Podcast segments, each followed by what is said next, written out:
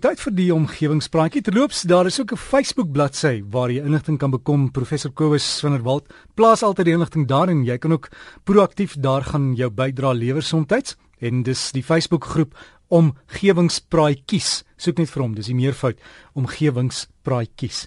Maar Kobus van der Walt aanlyn en ons hou die wêreld groen. Môre Kobus. Môre Derek, môre al ons omgewingsvriende. Ja, vanoggend wil ek graag die onderwerp van hidrobreking opnuut aanroer. En ek doen dit aan die hand van 'n video wat aan my gestuur is deur Elfrida Fleischmann. Nou in die video met die titel The High Cost of Cheap Gas word die probleme wat met hidrobreking gepaard gaan in besonderhede bespreek. En uh dit is dan nou juis die hele kwessie oor water wat eintlik 'n baie hoë prioriteit geniet in die video. Nou die industrie self by monde van meneer Jan Willem Egging van Shell en ook meneer Steve Bowden van Sasol skets aan die een kant 'n prentjie van 'n veilige skoon energiebron. Maar in dieselfde asem word daar erken dat ons hier met industriële aanlegte te doen het en dat ongelukke en insidente 'n inherente deel van enige industrie is. Nou bewyse vanuit die Amerikaanse state Pennsylvania en Wyoming maak dit duidelik dat daar 'n groot besoedelingsgevaar met hidrobreking gepaard gaan En as mens nou na die feite kyk, dan is dit duidelik dat die risiko nie oordryf word nie. Die gasindustrie praat van 'n 'n ontwikkeling. En so 'n ontwikkeling bestaan uit 70 areas so groot soos 'n rugbyveld elk. En op elke rugbyveld is daar dan 30 boorgate. Met ander woorde, een ontwikkeling verteenwoordig 2100 boorgate. En daar sal etlike honderde ontwikkelings wees in die area wat die mense wil hidrobreek want die area is 'n volle 1/5de van die hele Suid-Afrika. Nou die grootste beswaar tot nou toe teen hidrobreking het te maak gehad met die water soos wat ek gesê het, want om 'n enkele boorgat te sink en te bedryf, het ons omtrent 200 groot van hierdie tankvragmotors vol water nodig. En daar sal omtrent 300 ton chemikalie per boorgat ook in die grond ingepomp word, wat beteken dat daar vir elke ontwikkeling in die orde van 630 000 ton chemikalie in die grond ingepomp sal word en dat daar amper 'n half miljoen vragmotors vol water na elke ontwikkeling toe sal moet ry. En een van die mense in die video wat woon in 'n hidrobrekingsgebied in Amerika, het die woord apokalipties gebruik om die toestande te beskryf. En ek dink nie sy het oordryf nie. Nou met betrekking tot die Karoo is die vraagstuk in die eerste plek waar soveel vars water vandaan gaan kom maar dan ook wat met al die afvalwater gedoen gaan word want baie van die water wat nou ingeforseer word om die hidrobreking teweeg te bring kom weer uit die grond uit die boorgat uit. En wat nou gemaak met daardie water want jy kan dit nie vir 'n volgende boorgat gebruik nie. So daar gaan miljoene tonne besoedelde water wees wat niemand regtig gaan weet wat om mee te maak nie. Maar nou is daar egter 'n nuwe hidrobrekingsmetode wat onder my aandag gebring is deur Andrew Makink En dit is dat water en chemikalieë nie langer gebruik word in die hidrobrekingsproses nie, maar superkritiese koolstofdioksied. Nou superkritiese koolstofdioksied is vloeibare koolsuurgas. En die eienskap van hierdie vloeistof is sodanig dat geen ander chemikalieë bygevoeg hoef te word om hidrobreking te bewerkstellig nie. En die proses is heelwat meer effektief as met water, want tot 5 keer meer gas word vrygestel met hierdie metode as as as wat mense nou water as hidrobrekingsvloeistof sou gebruik het. 'n Mens benodig boonop baie kleiner pompe omdat CO2 hidrobreking slegs ongeveer 1/5de van die druk benodig as wat mens nou met water benodig. En die CO2 wat dan weer by die gat uitkom, kan opgevang word en gestoor word vir hergebruik by die volgende boorgat. Nou hiermee word die groot klomp vragmotors en die reuse volumes water en chemikalieë en besoedelde water totaal uitgeskakel. En die gevaar van besoedeling van die grondwater word daarmee natuurlik eksponensieel verlaag. En 'n verdere voordeel is ook dat baie groot volumes koolstofdioksied op hierdie wyse in diep boorgate onder die grond gesekwestreer kan word. Met ander woorde geberg kan word. Wat natuurlik baie goeie nuus is vir klimaatsverandering omdat CO2 juis die gas is wat vir die meeste van die probleme verantwoordelik is. Nou 'n afgetrede Suid-Afrikaanse energie spesialis, Dr. Johan Wingard, het reeds aansoek gedoen vir patentregte op hierdie proses en dit word voorsien dat dit spoedig wêreldwyd toegepas sal word. Nou ek is nie 'n spesialis op hierdie gebied nie en ek het toe van my goeie vriend Quentin Campbell wat 'n professor in chemiese ingenieurswese hier by die Pik is gevra wat hy van die moontlikhede dink. En hy het toe vir my 'n artikel aangestuur oor navorsing wat gedoen is oor CO2 as brekingsvloeistof in Amerika. Nou 'n span navorsers wat by Los Alamos werk, dis die plek waar die atoombom destyds gebou is, het in 2014 'n artikel met die titel CO2 as a fracturing fluid potential for commercial scale gas production and CO2 sequestration gepubliseer. Dit is nogal interessant vir my gewees dat een van die auteurs van die artikel se van Gupta is, maar dit is seker maar toevallig.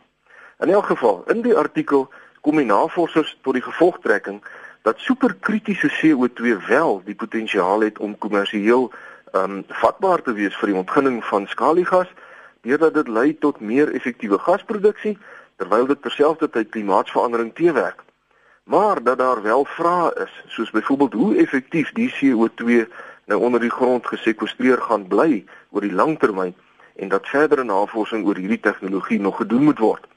Maar Dr. Wingard het sy patentaansoek ingedien nadat hierdie artikel verskyn het. En hy is een van die manne wat onder andere destyds gehelp bou het aan die Mosgas raffinaderry. So hy is een van die heel voorste kenners in die wêreld op die gebied van sintetiese brandstowwe. En dit wil dus lyk asof hy wel van mening is dat al die vrae nou beantwoord is en dat die tegnologie wêreldwyd aanvaar en geïmplementeer kan word. Nou as dit alles waar is, wat beteken dit vir hidrobreking in die Karoo? Die grootste beswaar, naamlik die waterkwessie, is nou uit die weg geruim. So beteken dit dat ons nou maar moet voortgaan daarmee. Nou hierdie is 'n komplekse saak met verskeie kante. Soos byvoorbeeld die feit dat ons land energiebronne dringend nodig het om ons ekonomie te stimuleer om voorsiening te maak vir ons groeiende bevolking. En as die besoedelingsgevaar van die Karoo se sensitiewe grondwaterbronne vir alle praktiese doeleindes uitgeskakel kan word, waarom dan nou nie? Maar persoonlik dink ek egter steeds dat alhoewel hierdie nuwe tegnologie lyk of dit soos ons Engelse vriende sal sê 'n game changer kan wees, dat Suid-Afrika dalk eerder nog steeds maar moet kyk na die bewese gasbronne aan ons eie Weskus asook na die Mosambiekse gasveld noord van Maputo. En hierdie gasveld is die vierde grootste gasveld in die wêreld. Ons eie bevolking groei steeds teen 'n onrusbarende tempo en tesame met miljoene klimaatsvlugtelinge wat na verwagting binne die volgende dekade of twee na ons land gaan begin stroom as gevolg van die verwagte gevolge van klimaatsverandering in die lande noord van ons. Dit lyk of dit baie droog gaan word daar. Kan ons eenvoudig nie bekostig om 'n enkele hektaar landbougrond te verloor nie omdat ons boere elke bietjie grond nodig gaan hê om vir hierdie massas mense voedsel te produseer. Die logiese pad lyk vir my daarom om na die bestaande bewese gasbronne te kyk wat nie Suid-Afrika se landboupotensiaal enigstens in die gedrang gaan bring nie, terwyl dit terselfdertyd sal lei tot groter welvaart in Mosambiek met 'n gevolglike groter stabiliteit in die hele suidelike Afrika. Wat natuurlik baie goed vir ons land ook sal wees omdat baie van die klimaatsvlugtelinge dan in Mosambiek 'n heenkome sal kan vind en almal nie net na ons land toe sal stroom nie. Maar indien ons besluitnemers egter wel besluit dat hidrobreking in die Karoo moet aangaan, dink ek dat alle belanghebbendes alles in die stryd moet werk om te verseker dat superkritiese koolstofdioksied as brekingsagent gebruik word en nie water nie. Want die besoedelingsgevaar van die Karoo se grondwater word met hierdie nuwe tegnologie grootliks uitgeskakel. En daarmee is my tydjie vir oggend om, Derrick. Uh, ons omgewingsvriende kan gerus die omgewingspraatjies Facebook bladsy uh, besoek of vir my skryf by uh, my rekenaaradres is kobus.vanderwalt by nwu.ac.za. En daarmee sê ek vriendelike groete tot 'n volgende keer. Gus en jy self sê die gas ding kan werk, né? Nee? Dit ek, ek dink so ja. Ek ek kyk ons het groot gasbronne hmm. aan die. Weskus, dit weet ons lankal. En ons voer reeds gas in uh van Mosambiek af trouens Sasol was eintlik instrumenteel om daardie gasvelde te ontwikkel. So uh, jy weet die die goed is reeds aan die gang en gas self is 'n baie skoner uh energiebron as steenkool uh, of olie. Uh so dit lyk of hier uh, baie mooi ehm um, toekoms vir Suid-Afrika is met betrekking tot uh, tot gas. Ehm um, en dan nou spesifiek nou met hierdie nuwe tegnologie waar ons dan nou koolstofdioksied wat juis klimaatsverandering veroorsaak. As ons dit kan regkry om om hierdie tegnologie op groot skaal toe te pas, ehm um, nou nie in in in, in gasbronne soos wat die Weskus en Mosambiek toe is nie want dit is gewoon pompie gas onder die grond uit maar spesifiek met hidrobreking as dit dan nou aangaan dan dink ek hierdie nuwe tegnologie um is is ordes ordes beter as die as die vorige tegnologie. Ek is seker dit kan werk Kobus hier in Johannesburg het van die voorstede, ouer voorstede steeds gas, né? Ja, ja, nee, en en om 'n gas uh netwerk te te vestig, die hele retikulasie ehm um, is is natuurlik 'n groot storie want uh in al die woonbuurte en so as mense nou huishoudelik wil gaan, maar vir vir ehm um, as mens die gas wil gebruik om energie mee op te wek, elektrisiteit. Ja. Dan is dit mos nou groot pipe na na enkele plekke toe. En uh, dit kan gedoen word. So ek uh, dit is baie goeie nuus vir ons land en dit is daarom maar 'n voorreg. Ons Suid-Afrikaners is daarom, jy weet, uh, baie van ons mense is regtig voor in die wêreld. Soos Dr. Johan Wingard wat nou ehm um, patentregte uitgeneem het met hierdie nuwe tegnologie. Dis dan lekker om in 'n land te wees wat soveel uitnemendheid ook het. En daar is hy praat hy oor die talent hier in Suid-Afrika en die kennis en alles wat ons het. Ons moet dit nie vergeet nie. En dis Prof Kobus van der Walt. Epos is kobus met 'n k.vanderwalt by nwu.ac.za. Anders op Facebook, gaan soek net vir die groep Omgewingspraatjies, dan kan jy die besonderhede daar kry.